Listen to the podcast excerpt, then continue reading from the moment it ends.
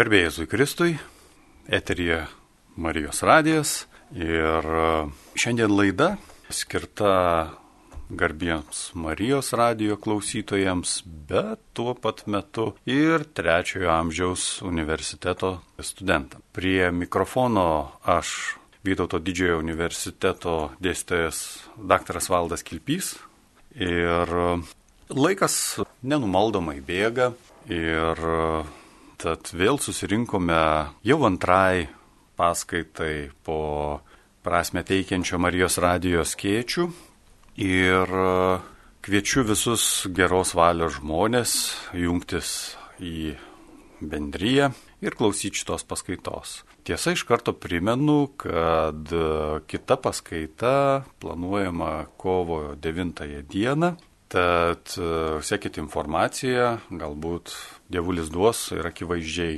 bus įmanoma susitikti.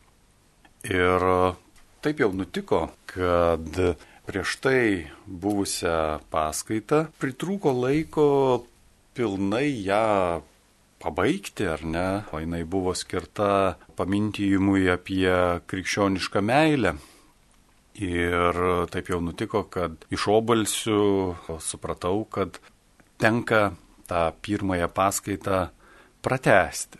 Ir manau, kad antrosios laidos e, tikrai turėtų pakakti, kad pakalbėt apie visą tai, kas išplaukia iš krikščioniškosios meilės, autentiškos krikščioniškos meilės ir tikėjimo. Ir pirmiausia, kas kyla, kas ateina į galvą, tai yra geri darbai arba darbai artimo meilės darbai. Drauge pagalvokim, kas mus juos skatina daryti, tad tą mes ir atliksim, ar ne? Kodėl mes tuos gerus darbus kylančius iš meilės privalom arba galbūt neprivalom atlikti ir apskritai, kaip ir kiekvieną laidą, kiekvieną paskaitą, aš užsiimsiu tokiamis švelniamis provokacijomis ar ne, kad galbūt juk jeigu Dievo tėvo siūstas Jėzus atėjo į šį pasaulį, įdant mums užtikrintų tai, ko mes patys savo jėgomis nebūtume galėję pasiekti, tai mūsų gyvenimas kaip ir toks tampa labai stabilus, užtikrintas, ar ne? Nebėra, nebereikia kažkokios e, būtinybės e, arba mes nebeturime tos nepaliaujamos pastangos save atrast, pateisinti ir įtvirtinti. Žodžiu, jeigu laikantis šitos minties krypties, tai kaip ir galim atsipūst ir ramiai laukti išganimo, bet turbūt patys suprantam, kad e, šitas toks teiginys yra pakankamai keistas ir mums ganėtinai svetimas, kadangi, nu, tiesiog jis, mes bandysim įsiaiškinti, kodėl jis yra būtent toks, ar ne? Ir klausimų, kaip jau supratot, e, iš pirmosios e, mano provokacijos yra nemažai.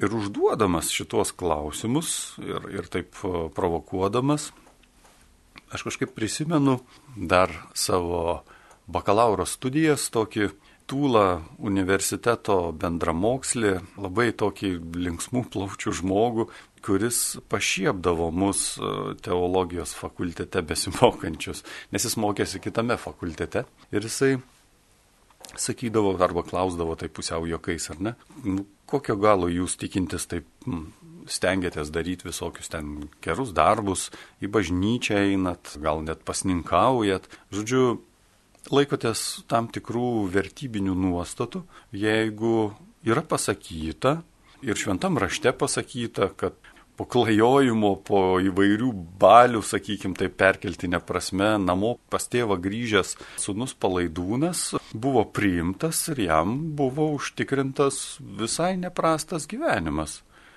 Tai taip ir aš, sakydavo tas prietelius taip jokais.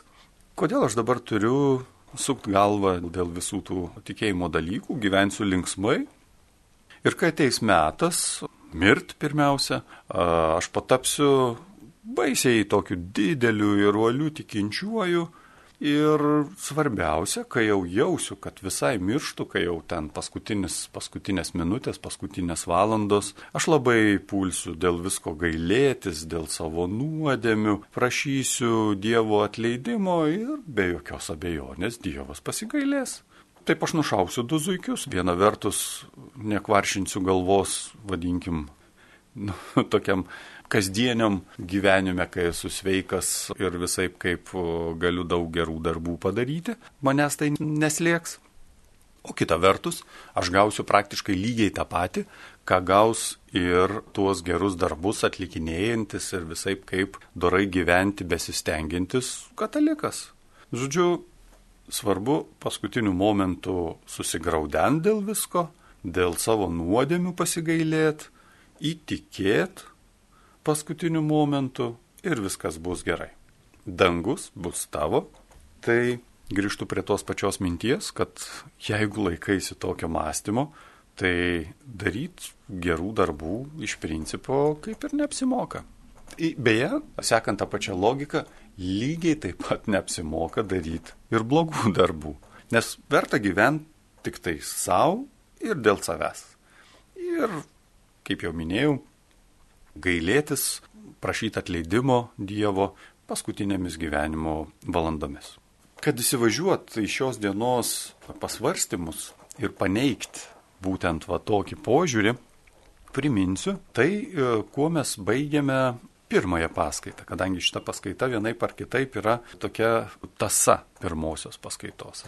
Tai praeitoje paskaitoje buvo įvardyti trys pagrindiniai elementai, kurie sudaro krikščioniškosios ir bažnytinės gailestingosios meilės esmę ir kurie iš tikrųjų yra puikia pradžia antrojo mūsų sustikimo svarstymams apie iš meilės kylančius darbus. Taigi, pirmasis tas elementas, ar ne? Kad iš tikrųjų vadovaujantis pavyzdžių, kuris yra pateikiamas palyginime apie gailestingai samarietį, krikščioniška gailestingoji meilė yra tiesiog atsakas į tai, kas konkrečioje situacijoje yra tiesioginis mažutėlių poreikis. Ir čia šventajam rašte skaitom ir, ir, ir girdėti tie žodžiai tikrai nekarta, kad alkstančius reikia pavalgdinti, nuoguosius aprengti, sergančius pagydyti, kalinčius vis aplankyti periodiškai, na ir taip toliau. Tiesiog krikščionis ima ir daro taip, kad tie tiesioginiai, baziniai žmogaus poreikiai būtų patenkinti. Kad kenčiantis asmuo nekentėtų čia ir dabar. Ir tu tai darai tiesiog dėl to, kad yra va tokia reikmė. Ir iš esmės tu net ir neatsižvelgi į visą kitą kontekstą, kuris galbūt yra net ir su tam tikrom komplikacijom. Ar net tu negalvoji, kad tu čia pasirodysi kvailai, kas ką pagalvos, ar tai priimtina žvelgiant iš ideologinių, politinių, ekonominių ar, ar, ar dar kokių nors kitų sumetimų. Antrasis elementas sėtina su tuo, kad iš meilės kylantis geri darbai turi būti nepriklausomi nuo partijų ir ideologijų. Arba tiesiog nuo ideologijų, nes partijos jau yra kaip pasiekmė kažkokių tai ideologijų. Ji nėra, tie darbai nėra ir pati karitatyvinė veikla nėra priemonė pasauliui keisti kažkokia tai remiantis ideologija ir jinai negali tarnauti pasaulietinėms strategijoms. Bet jinai daugina meilę, kurios žmogui visada reikia. Svarbu tai, meilė negali būti įkinkyta į ideologijų vežėčias. Krikščionio programa yra gailestingojo samariečio programa, Jėzaus programa. Ja dar galima pavadinti reginčio širdies programa. Ta širdis tiesiog mato, kur reikia meilės ir atitinkamai veikia. Ir trečiasis tas elementas, ar ne, yra taip, kad gailestingoji meilė taip pat negali būti priemonė tam, kas šiandien yra vadinama prozelitizmu. Meilė negali reikalauti atlygio. Ji yra tiesiog nenaudojama kitiems tikslams pasiekti. Tačiau tai nereiškia, kad karitatyvinė veikla turėtų, taip sakant, palikti e, Dievą ir Kristų nuo šalyje, nes, nu, tarsi, ar ne, siekis supanašėti su Kristumi irgi yra tam tikras tikslas. Visada svarbus yra visas žmogus. Ir dažnai gyvenime būtent Dievo nebuvimas darant gerus darbus ir yra tam tikros kančios priežastis.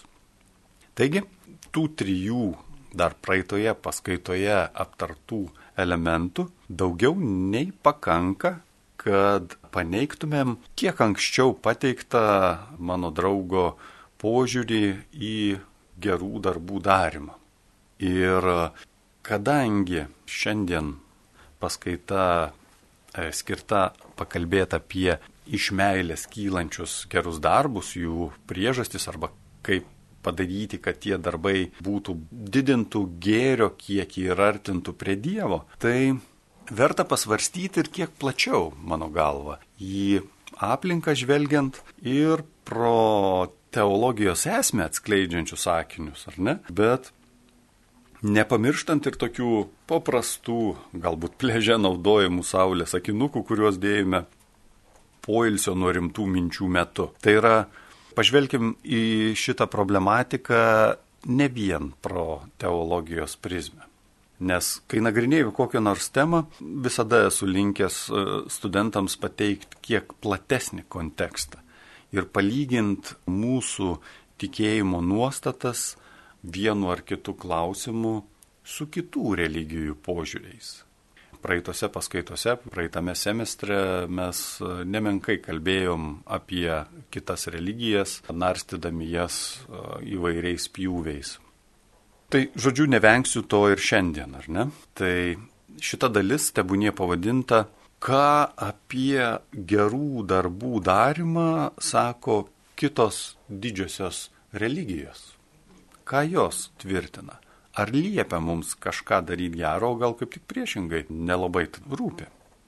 Pradėkim nuo be neseniausios hinduizmo arba dar kitaip vadinamos vedų filosofijos, kuri, jeigu kas iš studentų prisimena, yra labai sudėtinga ir įvairia pusė religinių tikėjimų sistema, kuri yra sudaryta iš įvairiausio plauko tikėjimų, sektų, filosofinių sistemų ir panašiai. Tai, ką mes turime galvoje, sakydami, kad tai yra religija, tai kalbant apie hinduizmą, labai labai tinka su išimtimis, kadangi tai yra toks labai vairiapusis, kartais net viens kitam prieštaraujantis įvairių, kaip minėjau, sektų religinių ir filosofinių tikėjimų sistemų darinys. Tai kai būtent todėl, kai aš čia dabar bandysiu apibendrinti hinduizmo ir hinduistų požiūrį į gerų darbų darimo klausimą, tai šitas požiūris jisai nebus toks absoliučiai išsamus ir visiškai teisingas. Visada galima rasti tam tikrą ir paneigimą tam. Bet bendra nuostata veikiausiai yra siejama su požiūriu, kad hinduizmo bendra nuostata, su požiūriu, kad geriau per daug į akis tam sokojančiam ne, nereikia lysti į akis. Tiesiog ir pats tu neturi labai jau čia it koks e, didelis šventasis, eiti ir siūlyti pagalbą. Geriau padėti tik tiems, kurie patys paprašo. O kodėl taip? Todėl, kad tas nereikalinga paslauga arba geri darbai neprašančiųjų atžvilgių, anot hinduistų, gali dar labiau pabloginti e, žmogaus padėtį ir tam tikrą prasme išprovokuoti neigiamą požiūrį į tave patį. Bet nenorėčiau, kad būtų suprasta, kad hinduizmo nuostatų besilaikantis asmenis teigia, kad gerų darbų apskritai daryti nereikia. Ne, tai yra tiesiog toks nuosaikus požiūris, kad jeigu kam reikia ir dar daug dievė jisai duoda kažkokį tai ženklą suprast, kad jam reikia tos pagalbos, tai padėk, tikrai, neatsisakyk. Bet lysti į akis ir tam tikrą prasme būt inicijatorium tuos pagalbos nebūtinai. Bet kuris tavo geras poelgis, nepriklausomai nuo jo motyvų, vis tiek bus naudingas ir aukščiausiojo įskaitytas. Ta prasme, kad Dievas tą tavo gerą darbą, net nepriklausomai nuo jo motyvų, vis tiek pastebės. Net tuo atveju, jeigu tu darai kažką ir iš išskaičiavimo. Čia labai įdomu.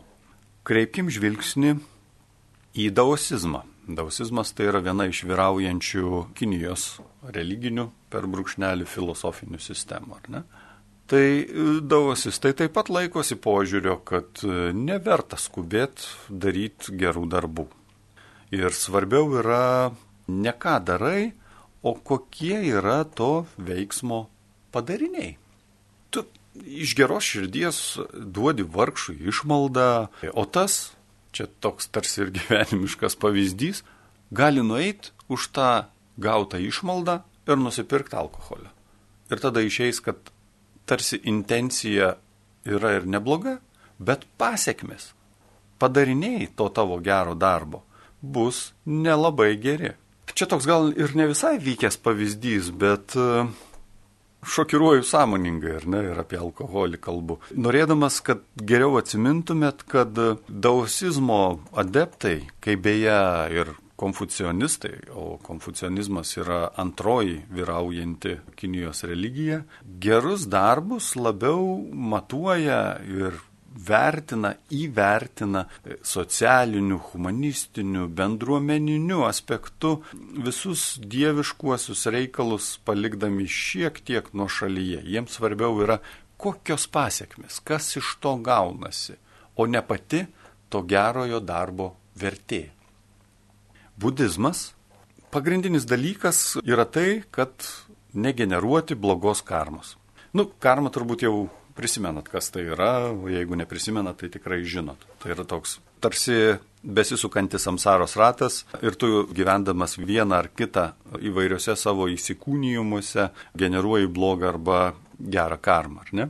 Tai budistai, kalbant gerų darbų darimo kontekste, laikosi principo, kad tu gyvenk ir netrukdyk kitiems. Leis gyventi kitiems. Ir pagrindiniai blogos karmos šaltiniai yra kas? Blogi veiksmai kitų žmonių ir padarų atžvilgių. Kitaip tariant, gerus darbus daryti yra verta ir gal net ir būtina, bet tikrai ne dėl kažkokios ten Dievo meilės, o dėl to, kad išsivaduot iš nuolat besisukančio atgimimų rato, gaminant ir dauginant gerąją karmą. Sau ir tuo pačiu metu kitiems. Nu, čia jau e, atskira tema. Pagal tam tikrų budizmo krypčių nuostatas jie gali gerąją karmą pasidalinti ir su kitais asmenimis. Beje, budistas, ko gero, labai pritartų mano paskaitos pradžioje minėtam tam linksmų plaučių draugui, kuris sakė, kad svarbu deramai gailėtis jaučiant uh, savo gyvenimiško kelio čia, šitame pasaulyje pabaigą. Budistai teigia, kad uh, paskutinė mūsų mintis, arba gal net emocija, šiame gyvenime labai daug lemia sekančioje mūsų inkarnacijoje. Ir ką tai reiškia? Tai reiškia, kad jeigu norime, kad mūsų kitas gyvenimas būtų geras, paliekant šią inkarnaciją turim būti ramios proto būsenos. Ir iš to kyla visas tas e, budizmo dėmesys meditacijom, nusiraminimo, tos visos praktikos, kvepavimo dalykai ir panašiai. Tai yra sėtina ir va būtent su ramia sąmonė paliekant šį pasaulį. Liko islamas. Islamas šiaip yra tokia labai suteisęs sėtina ir pakankamai aiškiai įvairias nuostatas, įvairius gyvenimo atvejus apibrėžianti religija. Ir ten labai aiškiai Kurane netiesiogiai, ne bet uh, įvairūs tafsyrai, Kuraną aiškinantis raštai labai aiškiai nurodo, kad dalį savo pajamų tu privalai atiduoti vargšams. Tai yra toks savotiškas nustatytas mokestis. Ir kaip ir minėjau, bendrai kalbant, islame teisinė religijos dedamoji yra labai stipri ir pakankamai tiksliai, bent jau žvelgiant iš krikščioniškos perspektyvos, nusakyta net ir paties pranašo Muhamedo. Ypač, kai kalbame apie turto aukojimą vargšams ir kitus gerus darbus, kurie privalo būti atlikti pirmiausia ne dėl to, kad tave taip verčia daryti sąžinę, atjauta ar panašiai, o todėl, kad taip yra pasakyta raštuose, kuriuos paliko jų pranašas ir čia, kaip sakant, nesukit smegenų, o tiesiog darykit tai, kas yra prisakyta padaryti. Tai štai toks, sakyčiau, labai aiškus ir konkretus islamo musulmonų požiūris į gerų darbų darimą. Kaip suprantat, apie būtinybę daryti gerus darbus iš krikščionybės perspektyvos aš sąmoningai kalbėsiu pabaigoje, tarsi sudėdamas visus taškus ant į ir apibendrindamas visą tai, kas jau pasakyta. Ir, žinot, pagalvojau, kad jeigu jau aptarėm visas pagrindinės pasaulio religijas, tiksliau požiūrį į etiškų darbų darimą, tai ko gero nevalia nepaminėti arba verta paminėti ir dar vieną tokį, sakyčiau, sekuliaristinį pseudotikėjimą arba to tikėjimo požiūrį į gerų darbų darimą. Čia galbūt e, kažkam bus šokas, bet e, aš mintyje turiu psichologiją, kadangi dabartiniam pasaulyje psichologija laiko save savi pakankama, dažnai laiko. Aišku, tai netinka visoms psichologijos rytims, bet tūlas psichologas arba įvairių tokių nuo Dievo nutolusių psichologijos rūšių krypčių, gal taip būtų tiksliau pasakyti. Išpažinėjas dažnai stengiasi be didelių skrupulų užimti, va būtent tikėjimo ir religijos vietą ir paaiškinti sudėtingą įvairią pusę Ir iš tikrųjų be metafizikos neįmanoma žmogaus būti tik šia pusybės nuostatomis. Tam iš tikrųjų nebereikia nei Dievo, nei bendruomenės, nei tradicijos ar kokių nors ten šventų raštų. E, pakanka tik e, brangaus psichologo konsultacijų ir, ir tų nuostatų, kurios yra duodamos, e, suteikiamos būtent vienos ar kito, ir kitokios krypties besilaikančio psichologo. Taigi, kokios e, gerų darbų priežastis yra nurodomos būtent psichologų.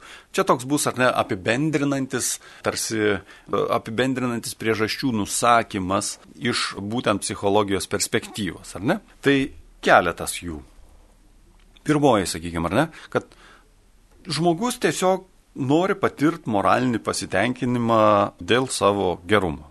Na, nu, kaip sakyt, labai paprasta gerus darbus daryti yra gerai. Tu jauti tam tikrą pasitenkinimą, jokios ten metafizikos nereikia, tu tiesiog tarsi toks hedonizmas per gerus darbus. Padariau ir smagu. Ir tiek žinių. Dėl emocijos. Antroji priežastis, ar ne?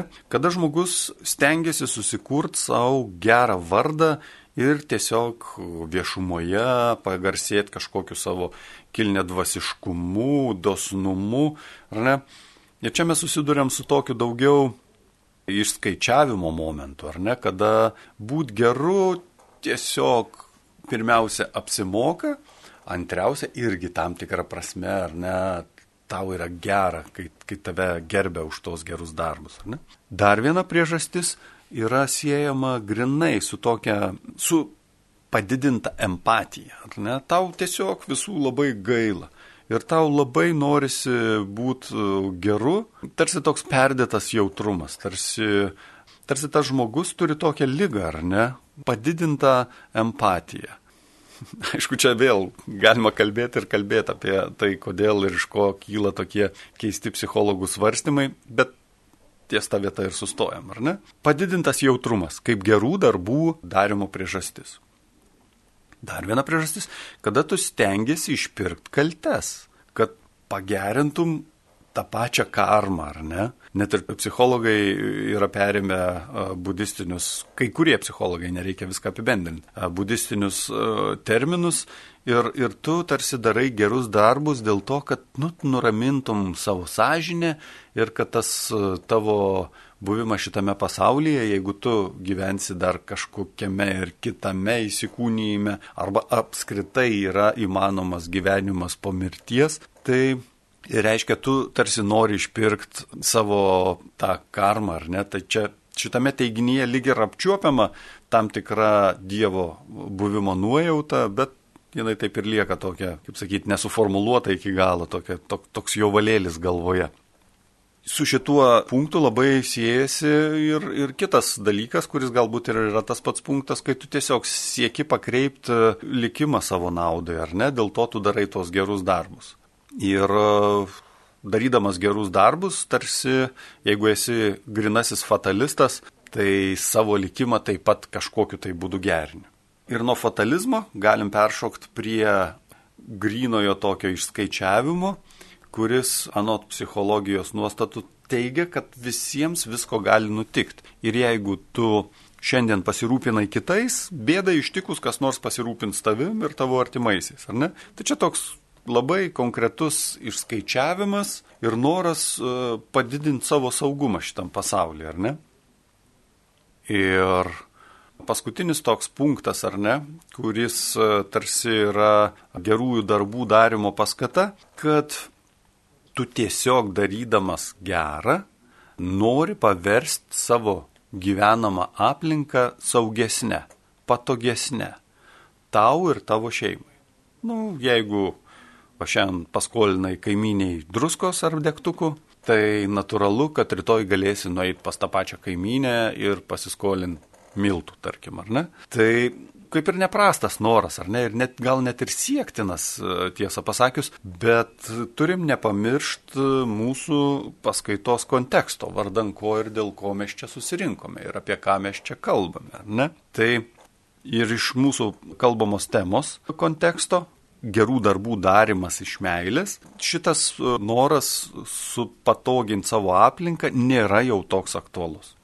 Tai kągi, apžvelgėm gerų darbų darimo to tokio imperatyvinio tokio raginimo kontekstą įvairiais pjūviais, ar ne? Per pasaulio pagrindinių religijų nuostatas ir detalizavom, ką apie tai mano psichologai ir liko iš principo galutinai sudėliot taškus ir užtvirtinti viską įsisamoninant krikščioniškai požiūrį, kadangi mano galva tai yra giliausia ir tobuliausia, nu, negaliu pavadinti filosofinė sistema, bet tai yra sistema, kuri labai aiškiai ir konkrečiai įvardina visus šituos dalykus ir be galo giliai.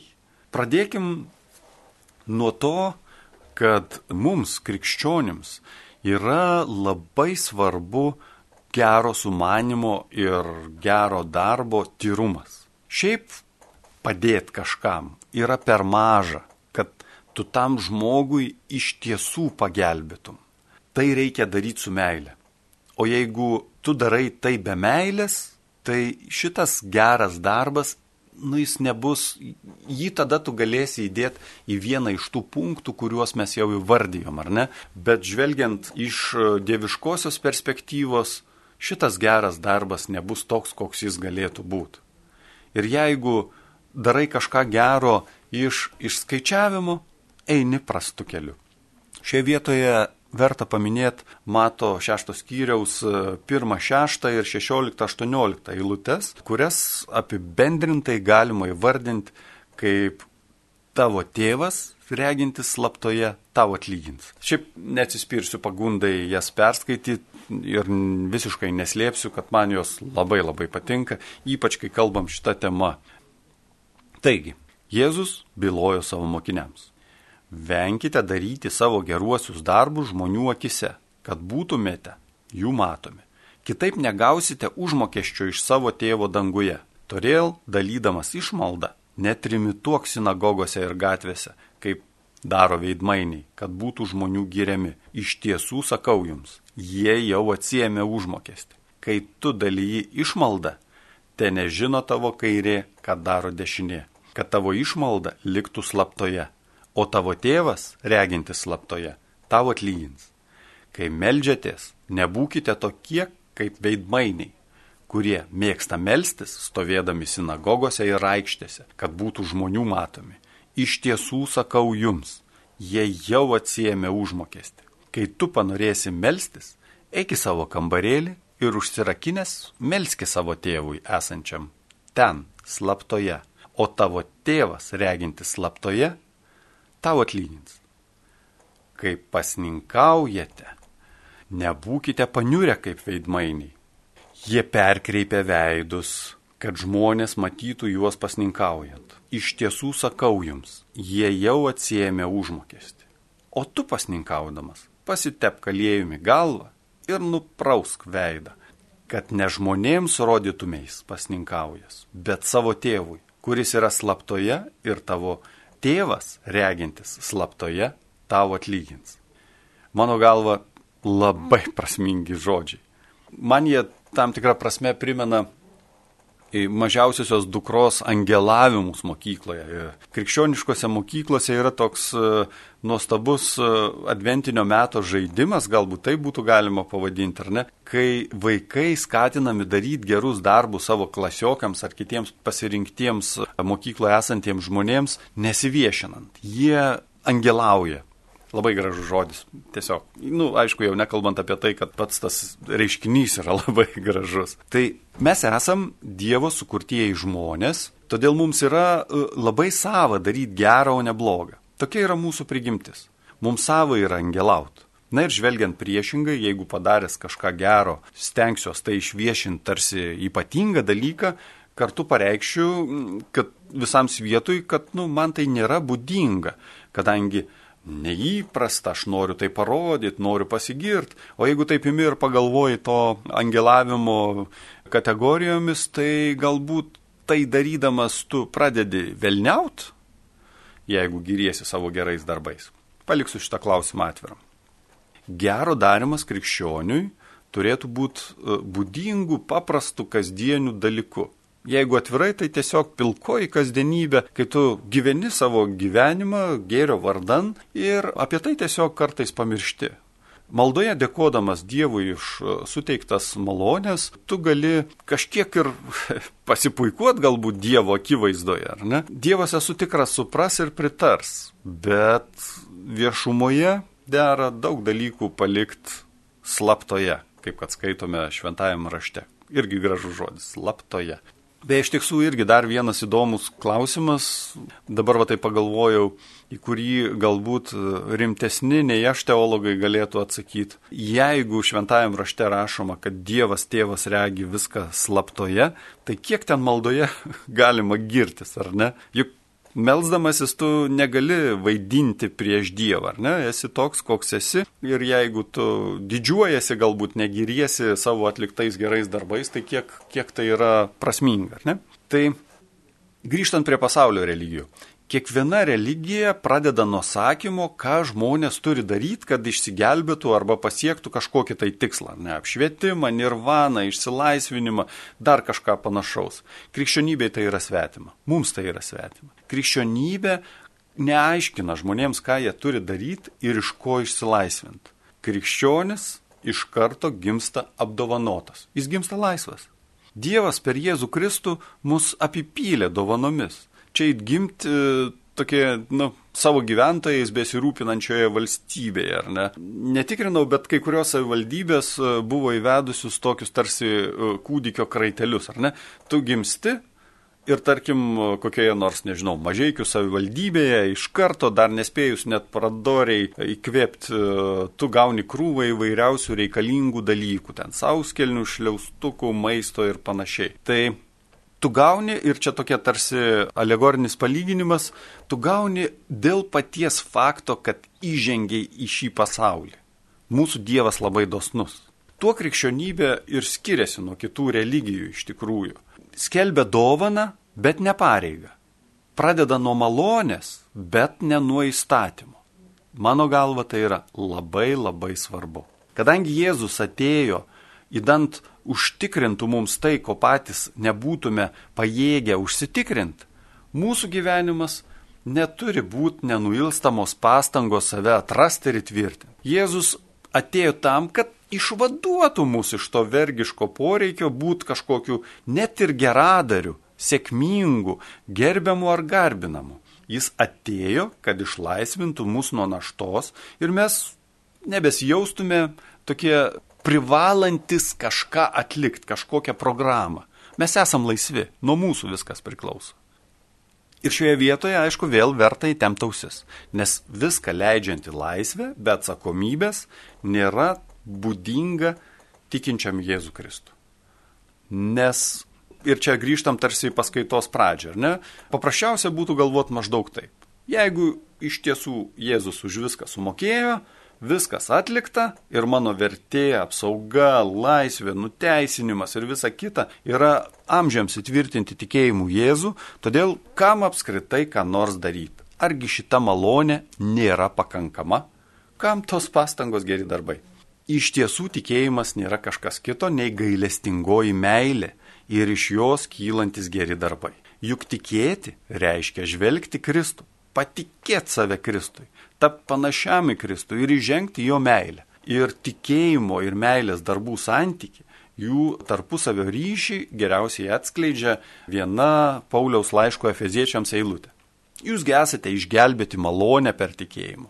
Ir ne iš savęs, bet tai yra Dievo dovana. Ir ne darbais, kad kas nors nesigirtų. Mes esame jo kūriniai, sukurti Jėzuje Kristuje, geriems darbams, kuriuos Dievas iš anksto paskyrė mums atlikti. Prasmingi žodžiai. Skaitant šias eilutes, visiškai aišku, kad sakoma, jog išganimą užtikrinanti iniciatyva kyla iš Dievo ir jo malonės ir iš tikėjimo priimto atleidimo. Tačiau ta iniciatyva negali būti ir jokių būdų neapriboja mūsų laisvės ir atsakomybės. Ši iniciatyva kviečia mus daryti kažką gero, gerinčiai pasaulį ir didint gėrio kiekį paradoksas, bet dažniausiai gėri radikaliai didinantis darbai yra e, ne žmogaus pastangų ir galių vaisiai, ne, kuriais būtų galima girtis. Jie atsiranda iš paties tikėjimo, jie atsiranda iš pačios malonės. Šitą ryšį, ar ne, dar galima būtų palyginti su dviejų pagrindinių bažnyčios sakramentų - Krikšto ir Euharistijos santykiu. Tikėjimo sakramentas Krikštas yra pirmesnis už meilę sakramentą Euharistiją, bet kreipia į ją tarsi į Euharistiją kaip krikščioniško kelio pilnatvę. Panašiai ir tikėjimas yra pirmesnis už meilę, bet yra tikras ir vaisingas tik tada, kada yra atliekami meilės darbai. Viskas prasideda nuo tikėjimo nuolankaus prieimimo, bet tuo nesibaigia. Tikėjimas turi pasiekti meilės tiesą, kuri pasireiškia Dievo bet mūsų paskaitos kontekste nemažiau svarbu artimo meilę ir iš to kylančiais gerais darbais. Galima būtų priminti ir Švento Augustino posakį, ar ne, mylėk Dievą ir daryk, ką nori. Bet Augustinas kviečia ne į anarchiją. Taip nėra. Juk iš tikrųjų, jeigu tu myli Dievą, tu nedarysi nieko, kas galėtų mylimą asmenį žaist, užgaut ar padaryti jam kažką nemalonaus. Mes esame sukurti, kad mylėtume ir būtume mylimi. Ir Dievas sukūrė mus tam, kad dalyvautume jo gyvenime, kad būtume jo mylimi. Ir e, turbūt jo svajonė būtų pasaulis, kuriame žmonės daro iš meilės kylant tik gerus darbus, ar ne? Ir jau visai baigiantis e, paskaitai, nes laikas tikrai greitai bėga. Visų tų išsakytų, ypatingai antroje paskaitos dalyje, pompastiškų žodžių kontekste, užbaigsiu, kad viskas iš tikrųjų yra ir taip, ir šiek tiek ne taip. Viskas yra gerokai paprasčiau ir žemiškiau. Geri darbai iš tiesų yra labai paprasti, nors veda į aukštus ir svarbius dalykus. Skambutis senam prieteliui, ant kurio, dėl kurio atžvilgių, nu, dėl kurio tu kažkodėl supikai ant jo. Galbūt giminaičiui paskambinti, gal senai matytam bičiuliui, galbūt reikia dėmesio ir laiko kažkokiam žmogui tiesiog paklausiant, ar galiu tau kažkuo padėti. visa tai yra labai nedideli, bet prie labai didelių tikslų vedantis geri darbai. Deganti širdis, kito žmogaus klausanti širdis ir iš to kylantis geri darbai artina mus prie Dievo. Tai man nelieka nieko kito, kaip tik palinkėti daryti gerus darbus, suprantant, kad jie mus artina prie Dievo. Prie mikrofono buvau aš, Valdas Kilpys. Linkiu kuo daugiau gerų darbų, kuo artimesnio santykio su Jėzumi, su Dievu.